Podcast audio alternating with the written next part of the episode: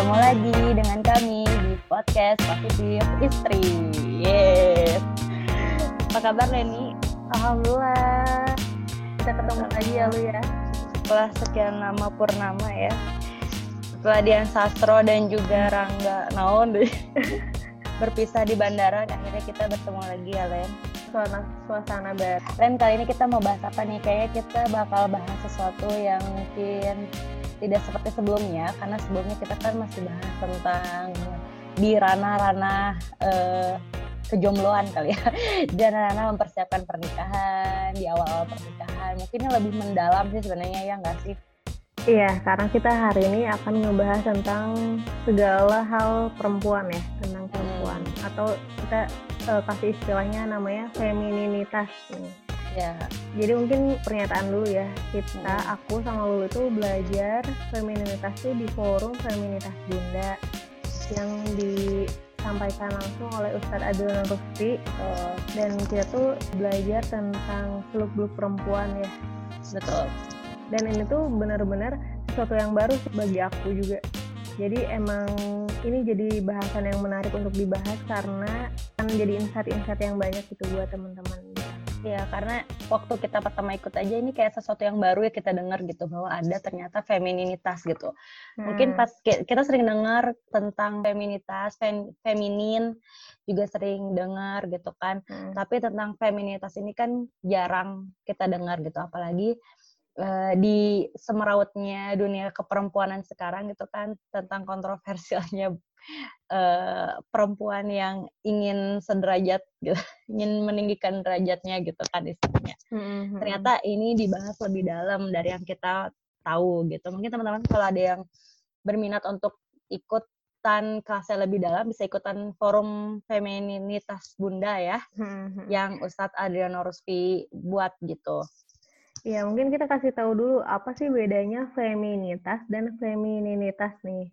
Iya. Karena benar. feminitas tuh udah banyak ya. Kita tahu hmm. kalau feminitas itu adalah gerakan untuk bisa setara dengan laki-laki gitu. Jadi para hmm. perempuan pengen menyuarakan gimana caranya bisa setara sama laki-laki itu dari segi pendidikan, pekerjaan, terus hak-hak dan kewajiban gitu. Tapi kalau feminitas tuh lebih ke uh, bagaimana kita mengasah sisi keperempuanan gitu ya hati dan ya, nurani. hati dan nurani. Mm, betul. Rasa rasa emosi kan, kepe gitu. kepekaan ya, ya seperti itu.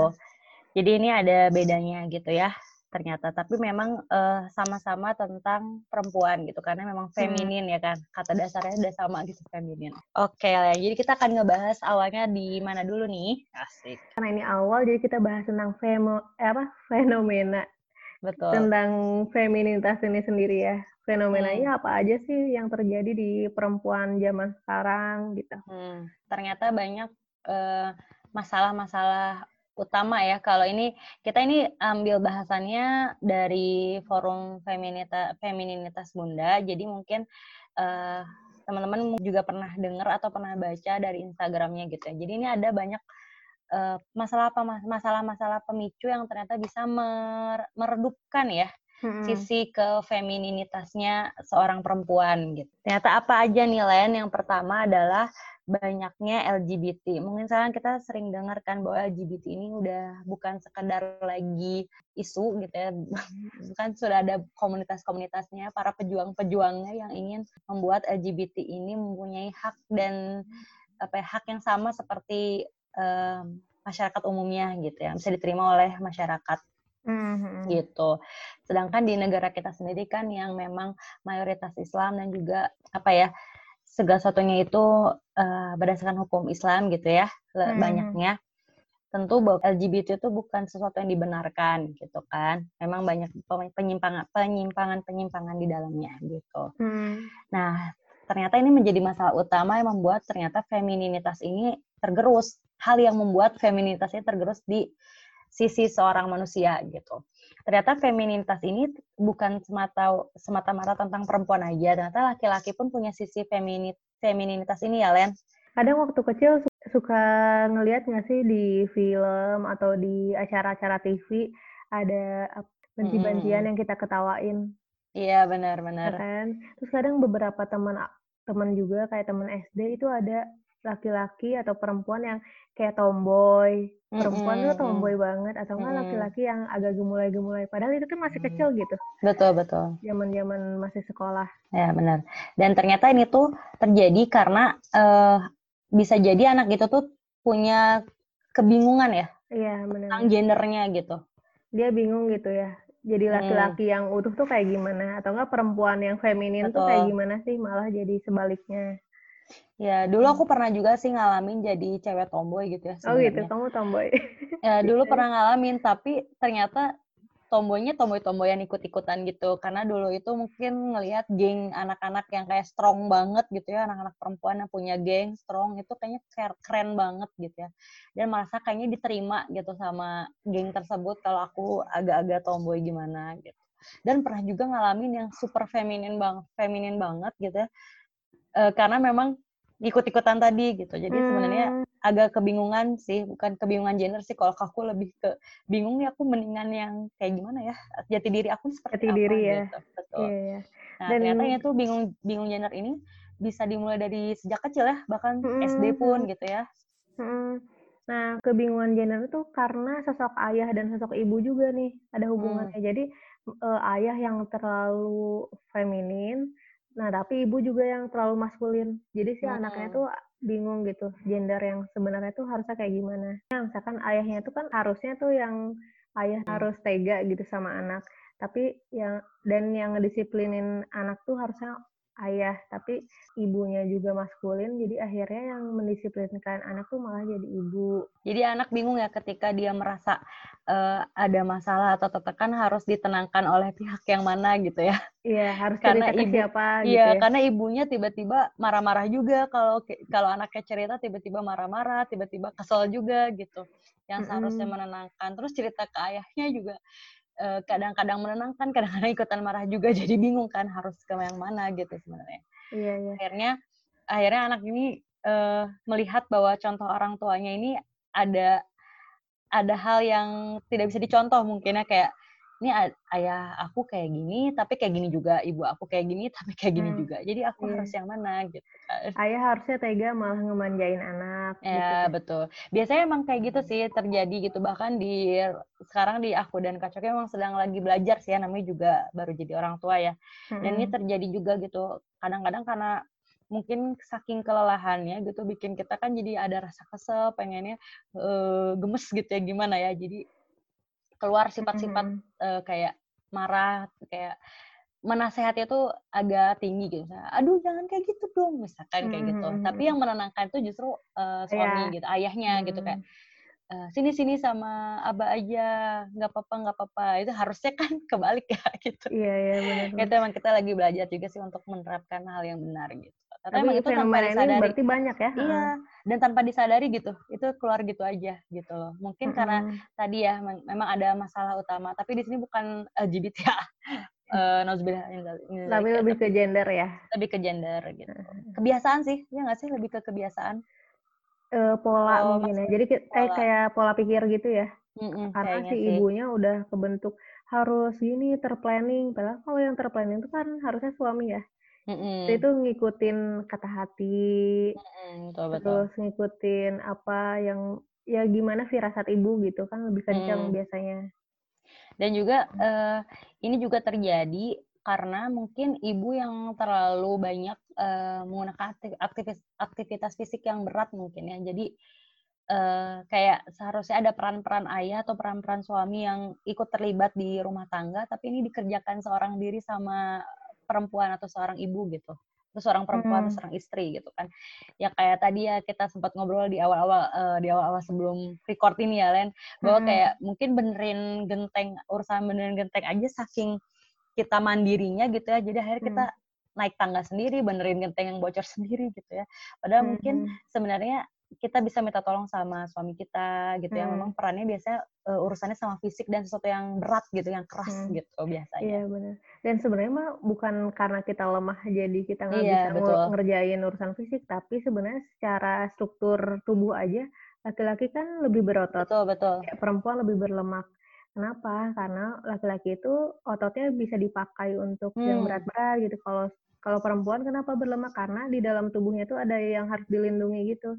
Kayak hmm. rahim harus dilindungi, organ-organ perempuan. Yeah. Makanya kita nggak apa-apa sih kalau ada lemak-lemaknya daripada terlalu berat. jadi jadi inget lemak, jadi inget timbangan ya. Iya. jadi inget ada ini ada gelambir-gelambir di sini nih. Berarti yang bener sih. Banget ya. Jadi memang saya kan biasanya tuh uh, perempuan itu kan digambarkan dengan multitasking ya saking bisa yang angkat galon sendiri gitu ya. Hmm, nah, sebenarnya kalau memang kalau memang di rumah itu tidak ada yang bisa dibantu eh, tidak ada yang bisa diminta bantuan, mungkin kita juga perlu keahlian itu kan, angkat galon sendiri hmm, gitu. Sekali-kali boleh lah ya. Sekali-kali, tapi ketika misalkan ada suami di rumah gitu kan, ketika ketika abahnya, eh abahnya jadi ketika uh, ayah lagi nganggur misalnya di rumah kan lagi diem aja kita bisa minta tolong gitu kan minta bantuan seperti itu ya kayaknya Len ya lebih ke situ. Nah uh, ternyata bahasan LGBT ini uh, emang kemarin ramai ya tentang uh, salah satu uh, selebgram dan juga psikolog ya, entah psikolog atau enggak gitu ya tentang LGBT ini bisa nggak sih terjadi sejak dalam kandungan? Tapi ini salah satu catatan aku uh, menurut Bang Aat gitu ya bahwa hmm. obsesi orang tua terhadap jenis kelamin pada masa di, di janin eh janin pada yeah, masa, masa kehamilan masa hmm. janin itu ternyata uh, bisa menimbulkan LGBT katanya gitu. Karena pengaruh hormonal yang sudah ada sejak lahir gitu. Jadi menimbulkan kecenderungan. Memang sih nggak uh, nggak pasti maksudnya nggak sa, sa, apa enggak semuanya kayak gitu, cuma ada kecenderungan gitu ke arah hmm. sana karena memang kan kita tahu sendiri ya ketika kita mengandung itu hormon ibu itu uh, nyampe ke anak gitu. Iya iya. Jadi biasa apa yang kita uh, uh, biasanya ibu yang sensitif itu melahirkan anak yang sensitif juga katanya seperti itu makanya harus banyak-banyak melakukan hal yang baik gitu biar anak tuh ngikutin yang baik-baik, makanan yang baik-baik biar anaknya juga sehat dan lahirnya dengan keadaan yang baik-baik kan katanya gitu ya. Kan ada doa-doanya kan ketika anak tidak di, di dalam kandungan doa-doa yang baik gitu agar anak itu mendengarkan terus-menerus sesuatu yang baik gitu katanya. Hmm. Nah, mungkin hal ke situ kali ya Len sebenarnya kecenderungan di sini tuh. Ya, kalau kamu harapan-harapan orang tua juga jadi tertanam waktu di masa janin kan punya harapan oh anaknya ya, aku kayak, pengennya perempuan iya benar atau nggak pengennya laki-laki nah itu tuh bakalan mempengaruhi janin juga kan Betul. Gimana dia bertindak, gimana dia berespon. Nah, terus pas udah lahir, itu juga kalau harapannya terus dipupuk dan ternyata nggak sesuai gendernya, kayak misalkan mm -hmm. perempuan harusnya kan diperlakukan seperti perempuan. perempuan, dikasih mainan perempuan, dan Mm. Ini malah jadi pakai yang pakaian pakai laki-laki oh, gitu. Oh iya benar-benar. Sehingga jadi kayak udah mah ada kecenderungan mm -hmm. ditambah lagi uh, pas sudah lahir diperlakukan dibentuk seperti lagi bentuk iya. jadi makin lah gitu ya hmm itu katanya bahkan ada uh, ini ya ada uh, ini mungkin dari Bang At ya katanya kalau perempuan yang baik itu harusnya tuh 75% itu feminin dan 25%-nya maskulin. Jadi bukan hmm. berarti uh, perempuan itu nggak ada maskulinnya sama sekali, tapi memang uh, lebih besar uh, porsi femininnya lebih banyak gitu porsinya hmm. uh, dibanding maskulinnya. Ke kebalikannya lagi kalau laki-laki kebalikannya gitu. Maksudnya kalau laki-laki mungkin femininnya lebih sen, lebih sedikit maskulinnya lebih besar. Itu yang harusnya kan karena karena memang hmm, kenapa laki-laki juga punya sesi feminin itu karena hmm. memang bahasa jiwa katanya. Jadi bahasa jiwa tuh kan memang dimiliki oleh perempuan dan juga dimiliki oleh laki-laki gitu. Makanya bisa dibilang laki-laki dan perempuan juga harus punya sisi itu gitu. Hmm. cuman porsinya aja yang beda. Nah kalau balik lagi ke kandungan dan hormon ya. Hmm. jadi uh, aku kan juga sama nih ternyata kalau kata Lulu harusnya 75 persennya feminin, di dalam diri perempuan tuh 75 persen yang feminin, 25 yang maskulin.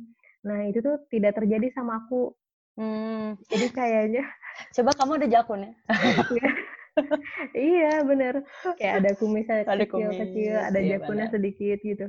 Nah jadi kalau diperiksa ke dokter itu tuh uh, aku tuh dinyatakan hormon testosteronnya tuh lebih tinggi daripada hmm. ke seharusnya perempuan, pada umumnya perempuan gitu. Nah, itu tuh membuat jadi hormon testosteronnya tinggi dan si hormon yang perempuannya kayak estrogen, progesteronnya hmm. tuh lebih rendah. Makanya ada kelainannya. Kalau di aku tuh kelainannya namanya PCOS gitu. Oh iya, kita udah sering dengar ya PCOS, kemarin lagi booming banget kan? Iya, kayak hmm. sulit untuk apa punya kandungan. Nah, itu mm -hmm. tuh katanya disebabkan oleh hormon testosteronnya lebih tinggi. Nah, mm. mungkin ini juga ada pengaruhnya sih yang dulu bilang. Jadi yeah, uh, yeah. perempuan zaman sekarang tuh masku, sisi maskulinnya lebih tinggi daripada yang harusnya ya. Ini berarti uh, ini ya uh, nyambung sama uh, masalah yang kedua gitu. Tadi kan masalah pertama tentang LGBT yang kita lagi bahas. Sekarang masalah hmm. kedua itu banyaknya kemampuan-kemampuan uh, saintifik yang uh, buruk katanya sih gitu. Jadi ini uh, fenomena tergerus gitu ya karena memang buruknya kemampuan saintifik gitu mahasiswa karena nah kenapa dibilang mahasiswa karena hmm. perempuan-perempuan zaman sekarang ini gelarnya tinggi-tinggi jadi maksudnya gelarnya tinggi-tinggi adalah menuntut ilmunya tuh kan yeah. sangat tinggi dan punya cita-cita yang tinggi betul. gitu ya. Hmm. Nah, ternyata di sini tuh membentuk sisi yang sisi lebih maskulin. Kenapa? Karena ternyata ketika kita kita menyadari ya bahwa ketika kita sekolah, ketika kita hmm. mahasiswa, kita tuh kita tuh dipaksa, asik dipaksa, diharuskan untuk lebih tinggi secara intelektual gitu kan. Kayak mm-hmm. kecerdasan, kecerdasan akademi gitu kan. Jarang yang ada melibatkan spiritual misalkan kayak gitu ya. Mm-hmm. Atau melibatkan hati atau kepekaan kan jarang yang ada tuh dilihat dari standar-standar akademis, intelektualnya mm. kayak gimana. Sehingga me, apa ya, kayak mengasah kemampuan logika kita itu semakin tajam gitu. Mm-hmm. Nah, itu katanya bisa membuat uh, jadinya tergerusnya sisi hati nurani asik sisi iya. tergerus dengan logika logika itu katanya sih gitu kayak nggak seimbang sih menurutku iya, ya, ya. Kan mungkin banyak... Leni terlalu berusaha keras dulu untuk lulus kayaknya Len. Kayaknya. Uh, ini sih kalau ngelihat perempuan-perempuan zaman sekarang tuh kan emang pada hebat-hebat ya. Pendidikannya hmm, pintar-pintar. Kalau kita ngomongin uh, bahasa bahasanya pasti yang disampaikan logika-logika terus data hmm. dan fakta gitu. Tapi jarang jarang orang yang ngomongin berdasarkan uh, hati nurani atau lo, apa kayak perasaan. Cuman kalau kita bilang kita, misalkan gini kita presentasi atau enggak kita kan kekuatan perempuan tuh curhat ya iya benar cerita curhat kan cerita dan biasanya itu kan meng, apa kayak kita tuh mencurahkan perasaan kan ngomongin tentang rasa gitu daripada yeah. ngomongin data Iya, benar, kayak banyak rasa-rasanya. Iya, benar-benar benar. Nah, itu tuh dianggap kayak eh, nggak e, berarti gitu, nggak bermakna apa hmm. sih curhat-curhat doang gitu. Padahal sebenarnya kalau seandainya kita mengolah rasa dan curhatnya berfaedah gitu ya, mm-hmm. itu tuh bakalan ngeasah ngeasah emosi kita, ngeasah rasa kita, dan itu tuh bakalan penting buat kehidupan hmm. yang lain gitu. Misalnya kehidupan yang lain. Kayak uh, kita pernah nggak sih lihat dulu pasti sering sih kayak ibu-ibu yang ngomongnya data nah, anaknya umur iya, tiga bulan harusnya udah bisa ngomong AIW iya benar-benar itu itu aku alami ya. sendiri sih ya benar iya kan? Itu kan bahkan data. sampai bahkan sampai memperlihatkan jurnalnya gitu itu aku pernah iya. ngalamin. Terus dan aku tuh kayak shock.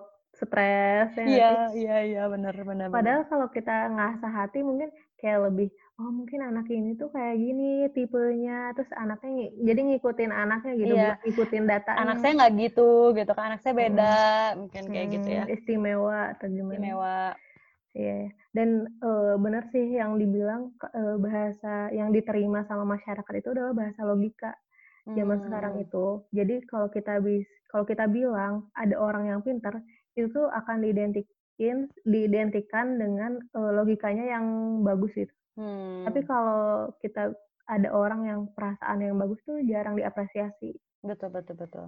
Padahal kalau zaman orang tua kita dulu tuh kan, misalkan orang tua kita dulu tuh sekolah nggak tinggi-tinggi ya, tapi yeah. perasaan dan firasatnya tuh tajam banget. Kuat banget, iya benar. Hmm. Bahkan dulu kan sampai dibilangin ya, feeling ibu tuh selalu benar. Iya, benar-benar. Makanya kita kalau mau ngebohong, eh, ragu-ragu gitu, karena ini feeling ketahuan kalau dulu mau pacaran nyumput-nyumput kan mikir dua kali ya. Iya iya. Kayak wah ini pasti ibu gue ketahuan sama ibu gue gitu kan.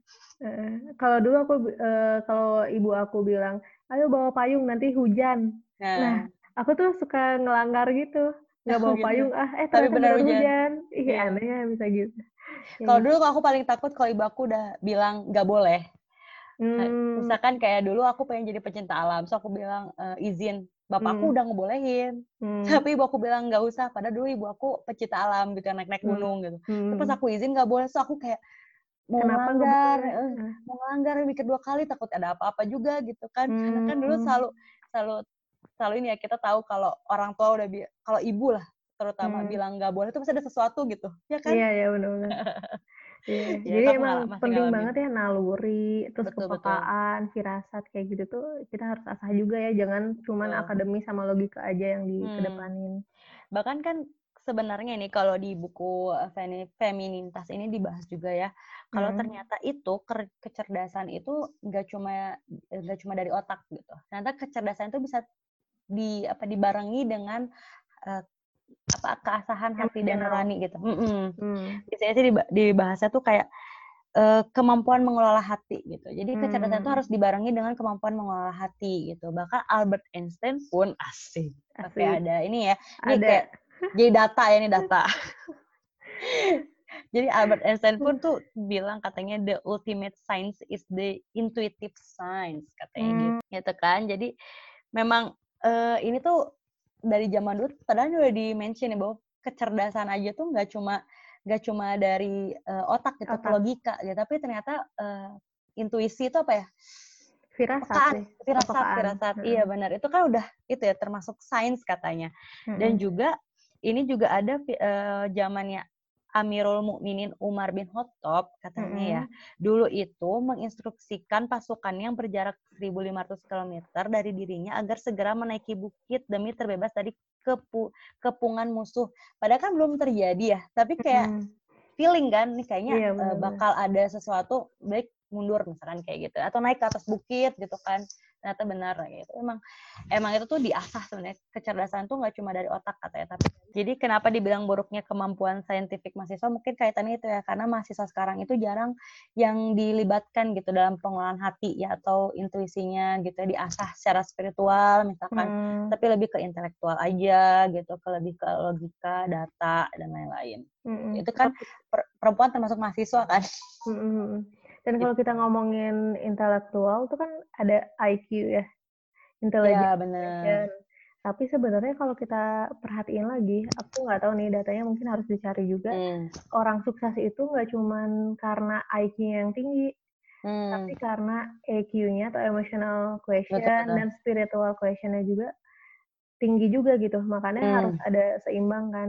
Betul betul. Kita bisa ngelihat kalau orang-orang yang uh, apa intelektualnya tinggi, IQ-nya tinggi, tapi dia nggak dibarengin sama emosional, pasti dia stres banget orang iya benar, dan mudah depresi. ini cepat terpuruk iya iya kayak mudah anxiety mudah depresi tapi kalau emosionalnya bagus spiritualnya bagus tuh kan bakal meningkatkan kapasitas dia jadi orang sukses gitu walaupun mungkin ada sifat stresnya tapi dia cepat lagi untuk kembali stabil gitu kali ya iya benar iya. nggak kayak gitu karena bisa ngasah itu ya mm -hmm. emosinya dan uh, katanya gini, kalau misalkan ini ke tips dari Bang Ate, kalau misalkan nanti kita pengen nih anak kita tuh uh, kan ini ya kita nggak bisa mungkin secara cepat merubah sistem uh, pendidikan di Indonesia gitu, pendidikan. gitu menjadi hmm. uh, pasti sampai mungkin anak kita besar tetap yang akan dilihat mungkin dari sisi intelektual atau uh, akademi gitu ya akademis. Hmm. Nah, tapi kita bisa mengasahnya dari rumah gitu. Mungkin kalau untuk ibu, kita bisa deket sama anak laki-laki gitu. Jadi anak laki-laki tuh harus dideketin sama ibunya agar femini femininnya tuh terasa gitu. Ada hmm. hati nuraninya tuh jadi punya kepekaan gitu maksudnya. Jadi apa ya? Setidaknya nggak tergerus, setidaknya tidak menutup gitu. Karena kan laki-laki juga akan mempunyai seorang istri gitu kan, nanti akan punya seorang anak perempuan, jadi otomatis harus juga diasah gitu kan dari semenjak kecilnya tentang hati hmm. nuraninya itu. Dan kalau ayah itu uh, dideketin tuh si anak perempuannya gitu katanya, ya, anak perempuan tuh deket sama ayahnya karena sisi maskulin pun harus, uh, harus iya harus diisi gitu, jangan sampai kosong gitu hmm. katanya. Oke, kita lanjut ya. Nah, tadi itu kan baru masalah kedua ya. Yang hmm. ketiga itu adalah gagalnya komunikasi suami dan istri. Nah, hmm. ini selalu terjadi ya di ya. benar ini selalu terjadi di femi feminitas gitu ya. Masa uh, masa banyak cerita-cerita rumah tangga tuh pasti menjadi alasan utama adanya tergerusnya feminitas. Iya benar. Konflik rumah tangga itu rata-rata oh. karena gagal komunikasi kan. Hmm suami nggak bisa memahami istri, begitupun istri nggak bisa memahami hmm. bahasa suami. Iya benar. Jadi kalau ada konflik tuh mainannya apa? Mainannya ya pengen ego ya kuat-kuatan iya, ego. Pengennya tuh ngomong terus yang menang-menang gitu loh. Jadi nggak ada yang mau ngalah gitu kan. Mm. Tapi kalau perempuan tuh kan suka uh, sejarawan gitu ya, sejarawan, sejarawan. yang yang dari masa lalu tuh ya mungkin dari zaman purba gitu sampai zaman sekarang teknologi udah berkembang tuh dibahas gitu sampai dua hmm. SKS mungkin gitu ya. semalaman tuh udah kayak ah puyang gitu dengerinnya jadi sehingga suami juga enak gitu ya ini bahas-bahas mulu gitu nah mungkin itu kalian bikin gagal komunikasi itu karena mungkin laki-laki juga mm, tidak tidak belajar untuk memahami bahasa perempuan gitu ya mm-hmm. dan perempuan terlalu egois gitu untuk selalu ingin dimengerti gitu mungkin mm-hmm.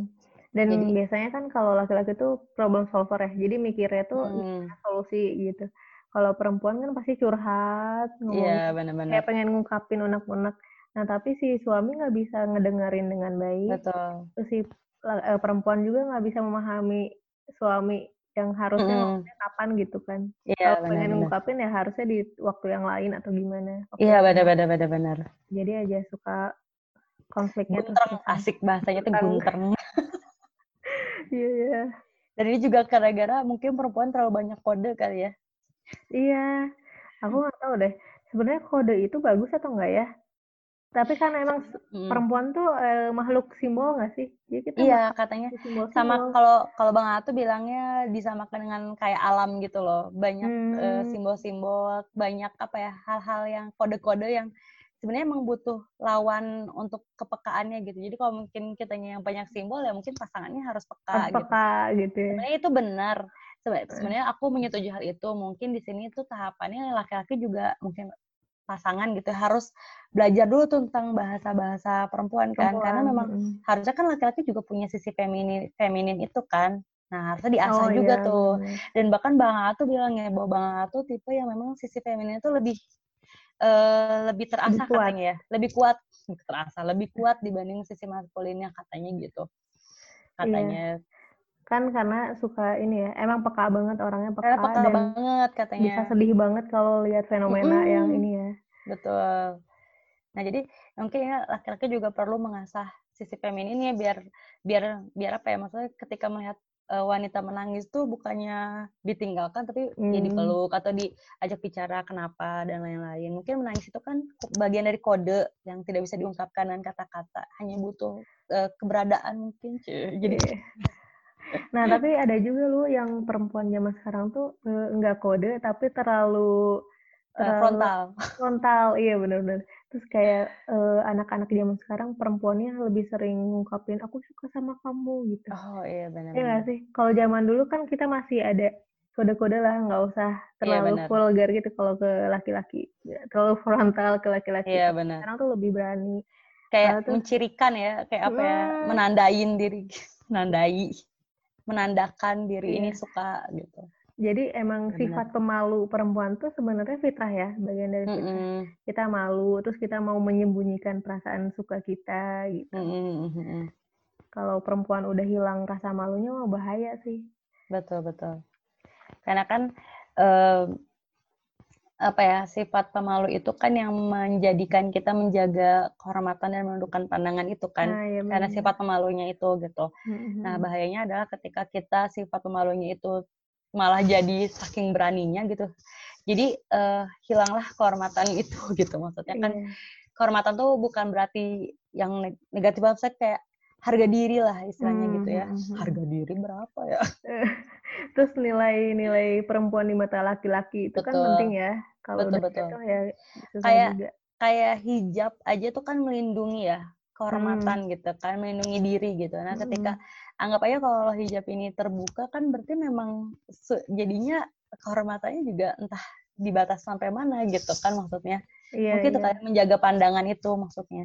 Biar saling menjaga gitu ya. Betul jaga pandangan akhi. Uh, eh. Namun deh.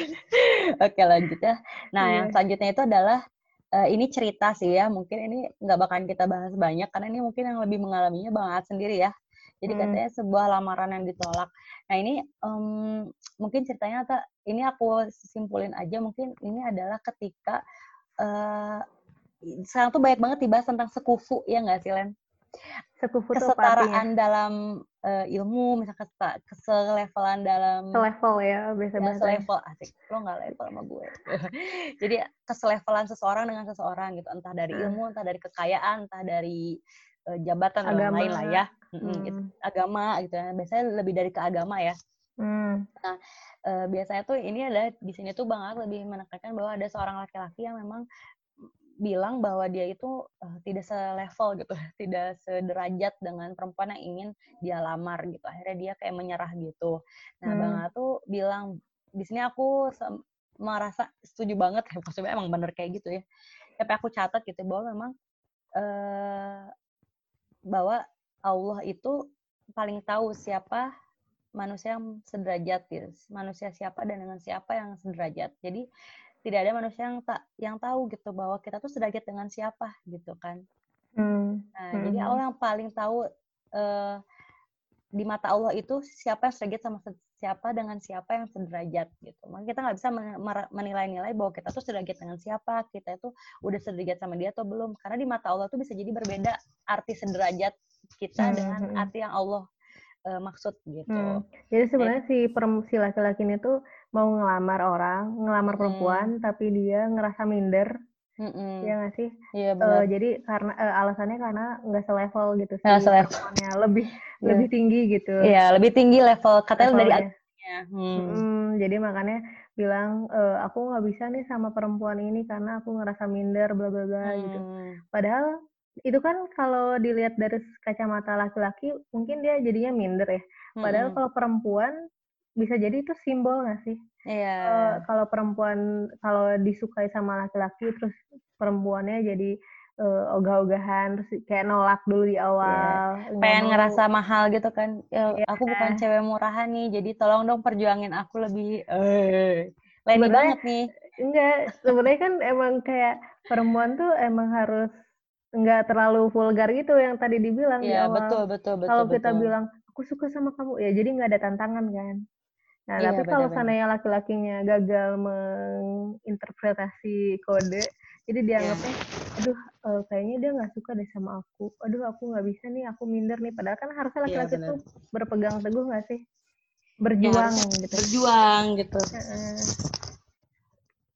Nah, jadi memang. Akhirnya gimana lu akhir cerita itu? Akhir ceritanya tuh si laki-lakinya ngelamar beberapa kali karena Bang oh, iya. karena Bang Aat tuh kan datang lagi tuh ceritanya. Dia cerita hmm. lagi sama Bang Aat dan bilang, "Ini gara-gara Bang Aat, ini gara-gara Bang Aat nih nyuruh saya maju, saya ditolak." gitu. Oh, ditolak kan, lagi iya. dua kali. Enggak, yang yang pertama tuh ditolak. Yang pertama ditolak. Nah, udahlah uh, ini gara-gara Bang Aat gitu.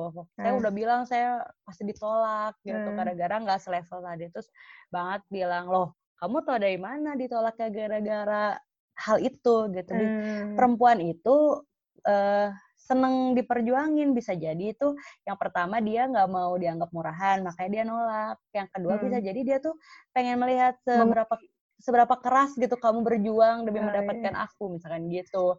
Jadi banget sarannya ya kamu lamar lagi. Jadi dia minimal sampai dua kali. Uh, minimal sampai dua kali lagi dia bilang gitu. Nah, aku ini ya aku uh, apa ya? Gak tau endingnya belum belum baca lagi ending. Cuman itulah uh, ceritanya gitu. Jadi si laki-laki ini tuh minta diminta sama banget untuk berjuang terus-terusan iya, ya, ngelamar terus-terusan, nggak cuma sekali terus langsung minder gitu. Betul. Iya, benar. Karena memang nah memang perempuan ini lebih senang dengan perjuangan kalau kata Bang bilang kayak gitu. Mm-hmm. Dan juga ini ada cerita lagi yang kedua nih tentang ini ya. Jadi uh, terkadang kita tuh sering di apa ya punya statement kalau perempuan itu adalah cewek matre gitu katanya kan. Hmm, aduh jahat benar tuh sama perempuan eh. perempuan tuh matre jangan sama yang matre gitu kan. Nah, ternyata gitu ya ini tadi kita sempat cari ini ayatnya ya Len. Aku kira ada lagu. Cewek matre, cewek matre, cewek matre. Ya, kelihatan banget dong kita tahun berapa lahirnya. Ih, zaman sekarang mah nggak ada lagunya, Len. Iya, iya, Kita lebih muda kelihatannya. Iya, jadi nah, sebenarnya perempuan matre itu ada nggak sih fitrah nggak ya? ya? Atau jangan-jangan tidak sesuai fitrah? Uh, ternyata perempuan itu memang kecenderungan untuk melihat harta itu adalah fitrah gitu. Melihat harta itu hmm. artinya matre kan. Itu ternyata fitrah dan itu ada di surat An-Nisa ayat 34. Tadi kita nyari ya bareng-bareng gitu. Hmm. Intinya adalah kayak laki-laki adalah pemimpin bagi perempuan. Hmm. Gitu. Boleh dilanjutin kan mungkin artinya? Iya, jadi uh, langsung artinya aja ya. Iya, boleh. Laki-laki itu adalah pemimpin bagi perempuan karena Allah telah melebihkan sebagian dari laki-laki atas hmm. sebagian yang lain hmm. perempuan dan karena mereka laki-laki telah memberikan nafkah dari hmm. hartanya. Begitu, guys.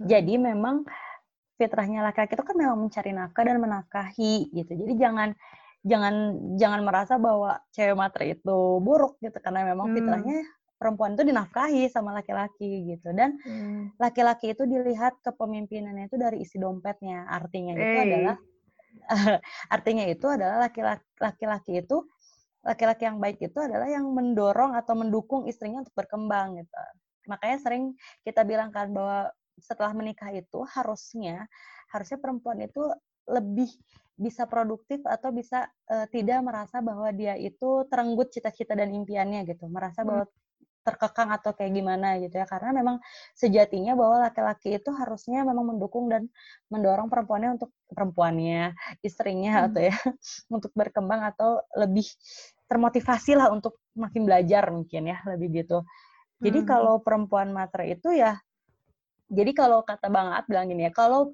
lah perempuan itu nggak matre ya berarti laki-laki semuanya itu pemalas katanya gitu. Hmm. karena Eh, laki-laki berjuang itu tandanya itu istri, eh, istrinya itu justru karena karena dia melihat istrinya oh ini istrinya mungkin butuh belajar ya kan?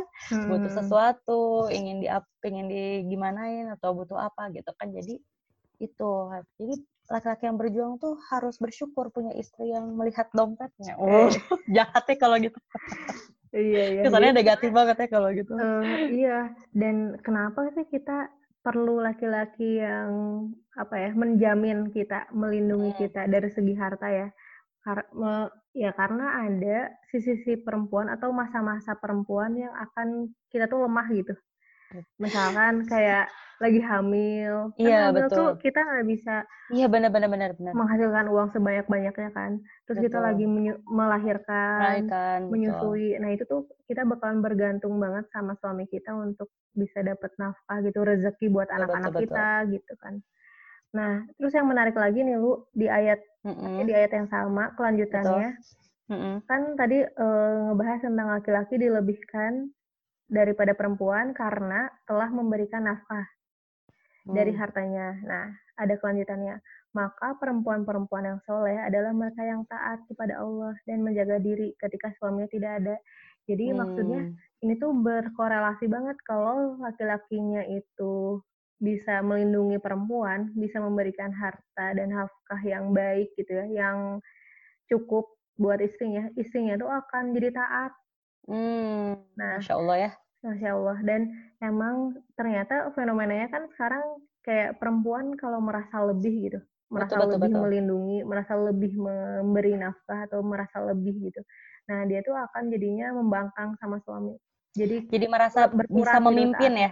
Mm -mm.